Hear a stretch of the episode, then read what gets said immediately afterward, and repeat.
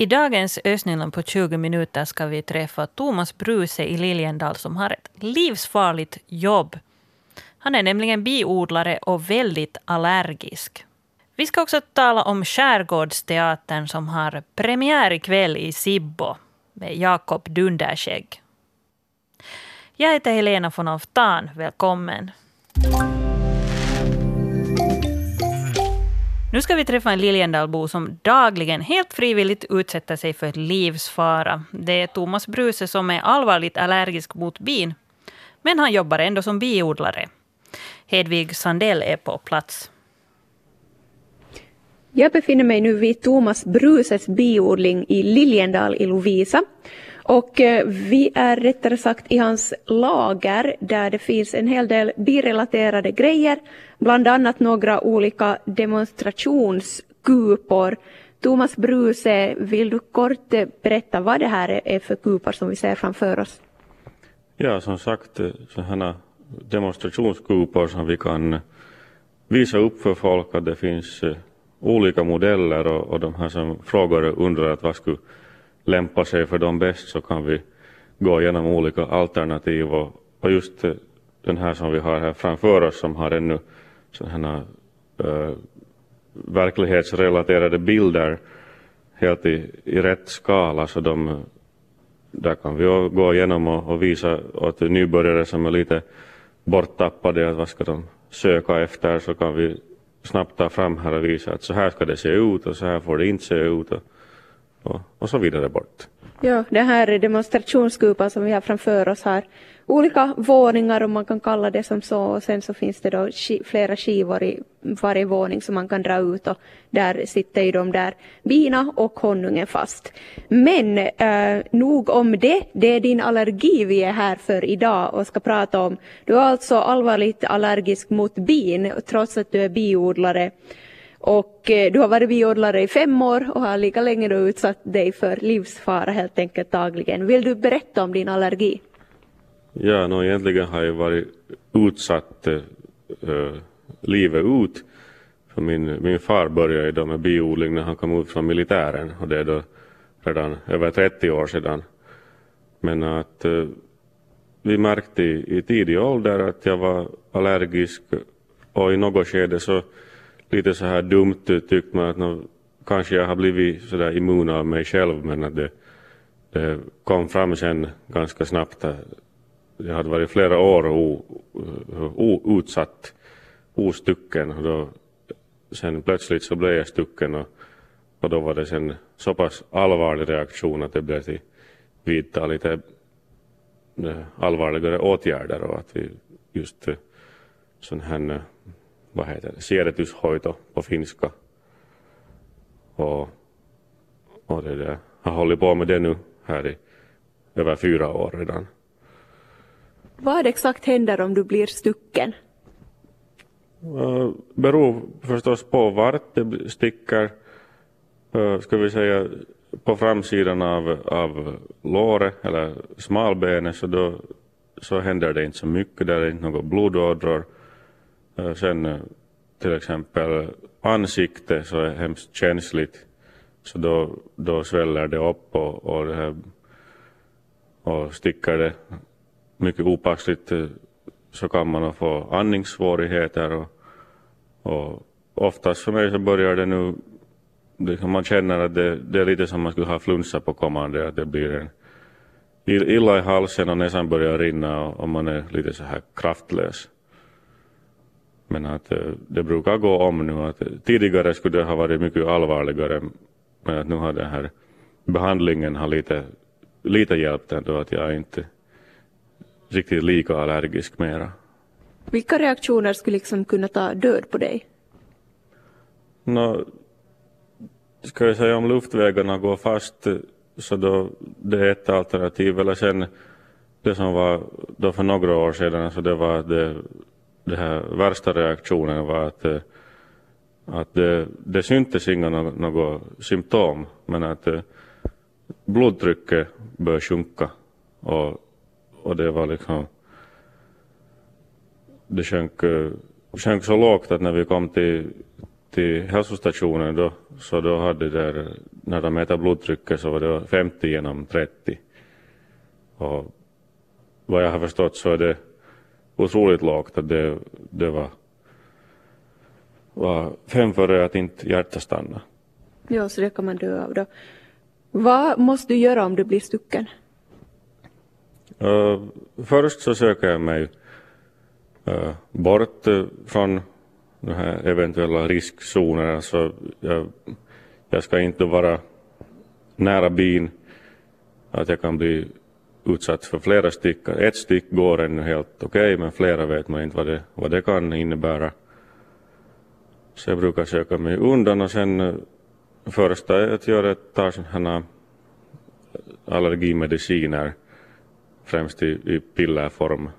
Det är det här kypakkaus är ett som, som hjälper och, och om det sen inte det hjälper inom, inom en kort stund så då, då är det EpiPen som gäller. Och, och sen om man har tagit EpiPen så då ska man ändå borde söka sig till läkare. Och I värsta fall så får man då ringa efter ambulans. Det regnar ju här ute nu för tillfället så att inga bin syns till och de lär väl finnas inne i sin kupa just nu. Thomas Bruse sa här tidigare att de tycker om att vara inne i kupan när det är kallt och dåligt väder. Uh, hur rädd är du för att det plötsligt ska dyka upp ett bi här och sticka dig? det är nog ingen risk för när man är, hur ska jag säga så här, självsäker runt dem så då, då känner inte de sig hotade och då är det ingen fara heller, de sticker. Att det, största risken är att gå nära kupan, att den försvarar de starkt men att är de, är de, kommer de långt iväg flygande så här och, och fast den är lite chasar bort dem ibland så, så behöver det inte alls vara, vara någon fara. Här är ju som värst då när säsongen är igång så då är här ju liksom, tusentals bin som flyger här omkring och, och är bara ute efter den här söta doften och, och det här men det, det är inga, inga problem. Så du är aldrig rädd för bin här i ditt jobb? Jag är inte rädd men att jag är försiktig. Att jag, jag kan inte bara köra på hur som helst. Jag måste alltid, alltid kolla när man lägger på handskarna att, att är de säkert tomma. Att, för det är lite otäckt om det är några bin in i handsken och lägger handen in. Och, och lika och allt, allt alla ställen som man bara vidrör så, så ska man nu alltid se där det inte finns något bin i vägen. Så det är viktigt att vara lite extra försiktig när man har ett livshotande jobb som det här. Uh, hur kommer det sig att du har, har börjat ha ett sånt här livshotande jobb? No, det var nog egentligen bara mina föräldrar som, som tyckte att de, de vill ha avträdelsestöd och, och det var det som vi var ute efter och, och det här skulle det nu ha varit frågan om bara en så här småskalig biodling så skulle det inte ha varit något problem att säga. Då är det bara att, att vet, de får hålla sin hobby. Eller min far jag får hålla sina kupor om han vill men att nu är det ändå fråga om en, om en storskalig verksamhet och det är liksom det här bisysslan är, är huvudsyssla. Så det var, det var egentligen ett enkelt beslut att det var bara ta, ta över ett färdigt dukat bord. Man behöver inte bygga från, från noll. Hur viktigt är det att ha kvar den här gården?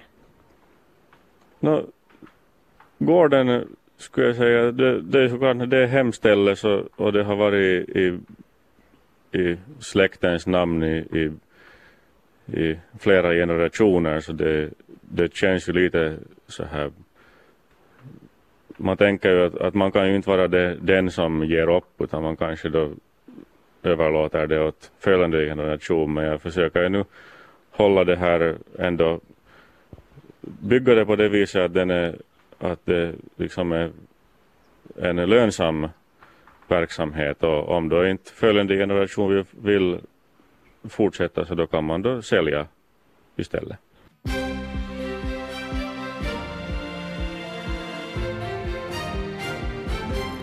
Klockan är halv tio och det blir nyheter från Östnyland. Jag heter Victoria Rikonen. God onsdagsmorgon. Igår påbörjades asfalteringsarbeten i centrum i Borgo. Det skriver tidningen Osima idag. På tisdagen inledde man asfalteringen vid, på Ågatan vid Alexandersgatans bro och arbetet fortsätter idag. Efter det förflyttas arbetena till Alexandersgatan där stora delar av gatan ska asfalteras, även Alexandersgatans bro. På torsdag kväll börjar asfalteringen på Mannerheimgatan. I Lappträsk ska man nu utreda underhållsbehovet av Lappträsket. Med utredningen ska man ta reda på vilka faktorer som belastar träsket. Där förekommer det nästan årligen blågröna alger. Med hjälp av provfiske hoppas man kunna hitta orsaker som påverkar träsket negativt. Man kommer också att ta reda på hur dagvattnet inverkar på miljön. Igår på eftermiddagen klockan halv fem kom ett larm om en liten markbrand i Hindhår i Borgo. Enligt Räddningsverket handlade det om en brand på ungefär en gånger en meter stort område som snabbt kunde släckas. Branden tros bero på att någon har bränt skräp. Detta trots gällande varning för skogsbrand. Nu är det klart att innebandylaget OIF får spela alla sina hemmamatcher i Sibbo. Det skriver Sipon Sanomat. Sibbolaget OIF stiger till ligan nästa säsong och det har varit oklart var de kan spela sina hemmamatcher. OIFs vanliga hall i Söderkulla uppfyller inte kraven och därför har det varit oklart ifall de kan spela där. Nu har de fått lov att spela sju matcher i Söderkulla och resten av matcherna i allaktivitetshuset i Nickby. Idag har Skärgårdsteatern premiär med Jakob Dunderskägg i Sibbo i Byarsborg i Spjutsund.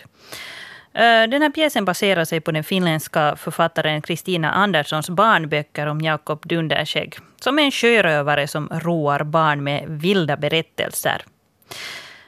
Robert Kocka han spelar Jakob Dunderskägg och Lydia Bäck spelar Maria, ett barn. Och vi träffade dem igår när de var på plats i Spjutsund i Sibbo inför generalrepetitionen.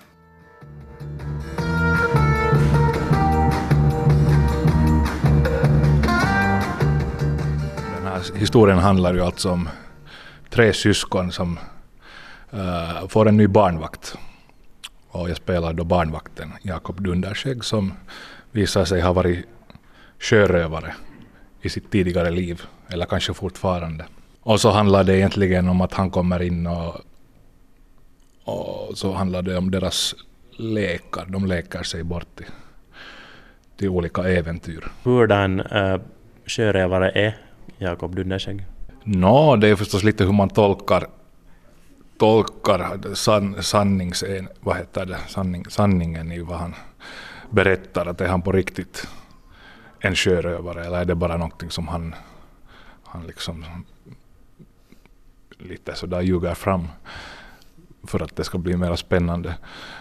Man tar det egentligen från texten och allt finns egentligen i texten, rollen finns i texten så det, det är väldigt tydligt liksom vad hans position i den här pjäsen är. Att han kommer han är en, en utomstående barnvakt som liksom har en som, som är betydligt mycket äldre, alltså en vuxen människa. Inte vet jag egentligen. Nej, jag, jag, jag, jag tänker nog mer att jag är en... Ja, det är inte en Jack Sparrow, det är det definitivt inte. Han är, han är mer en sån där skärgårdsgubbe i ja. min tolkning. Ja, mer som en farbror liksom. Ja, kanske, kanske så. Men en rolig, väldigt rolig farbror. Ja, det han. hoppas det. Det tycker nog de här barnen åtminstone. Ja. ja. Den riktar ju sig kanske då främst till barn i åldern 7 till 11. Men äh, också vuxna kan ju såklart besöka föreställningen. Vad, vad tänker ni liksom att de här vuxna får ut av den? Jag har jobbat ganska en, en hel del faktiskt med barnteater, så att säga barnteater på de här senaste åren. Och, jag, och har sett barnteater och jag, jag tycker oftast att att när barnteater är som bäst så, så sitter barnen på de främsta raderna och vuxna bakom. Och för de vuxna så blir det lite som en dubbel föreställning för att de ser både själva föreställningen och så ser de barnens reaktioner till vad heter det, föreställningen. Och, jag vet själv när jag har suttit i publiken och sett sådana föreställningar som har varit fantasifyllda och där barnen är, eller publiken får liksom vara en del av föreställningen. Att det ger liksom ett mervärde av det. Sen tycker jag också att uh, Ja, ja det, det, är svårt. Det, det, är ett svårt begrepp, barnteater, för att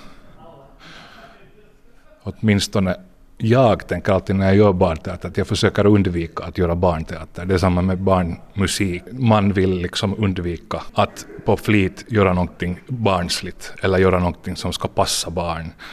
För att då blir det oftast, ofta ganska liksom löjligt. Ja, nej, det handlar ju också om att, att absolut inte undervärdera sin publik. Ja. Att mm. liksom att ha respekt för sin publik och ta den på allvar. Ja. Och att inte sänka någon ribba fast det handlar om så att säga då barnteater. Ja.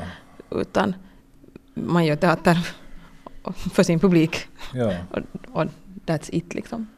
Vad har ni förväntningar nu för den här föreställningen? No, för, för det första så hoppas man ju att det kommer mycket publik. Och jag tror föreställningen mår bra av mycket barn i publiken. Så att jag, jag, liksom väntar bara på de där barnskratten liksom, ja. som, som ju också kommer att ge en rytm för oss så att man spelar ju in sig också småningom när man får sin publik. Det är ju faktiskt extremt spännande för att oftast när man gör teater så har man två, tre förhandsföreställningar med, med publik i salen. Vi, men vi har faktiskt ingen sån. Så att vårt första möte med publik är på premiären. Ja. så det blir spännande och, och roligt.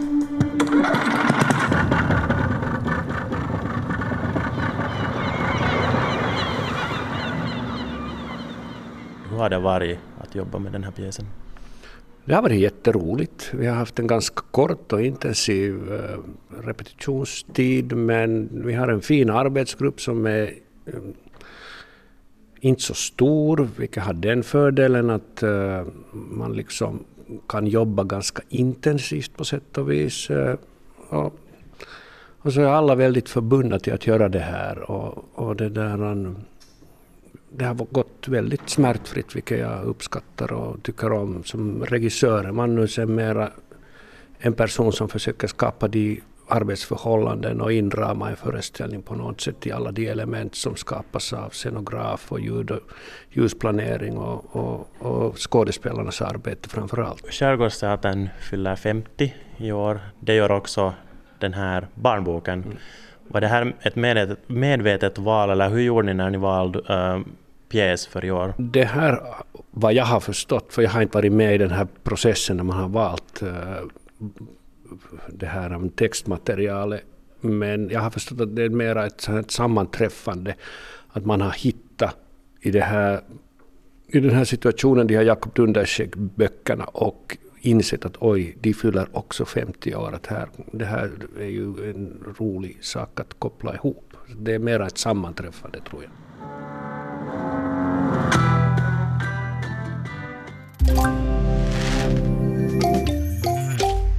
Borgå Vatten har nyligen byggt gröna tak på pumpstationen vid Kokonvägen och Pellingevägen. Eh, vår reporter Hedvig Sandell har tagit sig till Kokonvägens pumpstation Heddy, vad är det riktigt för gröna tak som Borgå Vatten har byggt där? Det är tak med grönska, alltså växtlighet som finns här vid Kokonvägens pumpstation och också vid Pellingevägens pumpstation. Ett bättre ord för taken skulle kanske vara levande gröna tak eftersom det är levande växter som finns på de här taken. Och nu så står jag som sagt vid Kokanvägens pumpstation och jag kom tyvärr inte upp på själva taket men här på ungefär 20 meters håll så ser jag mest grönt och gult på taket. Eh, lite gula blommor och också lite rosa och vita blommor, växter finns här. Och eh, jag vet inte egentligen riktigt vad jag tycker om det här taket. Å ena sidan så ser det ut som att det har börjat växa mossa på det här taket. Men å andra sidan så Ja, kanske det ändå ser helt trevligt ut. Man skulle vilja se en sån här före och efterbild som man skulle kunna jämföra riktigt ordentligt. Men no, helt okej okay ser det ut skulle jag säga. och det är ganska, de här växterna är ganska låga, det är inte liksom några höga växter.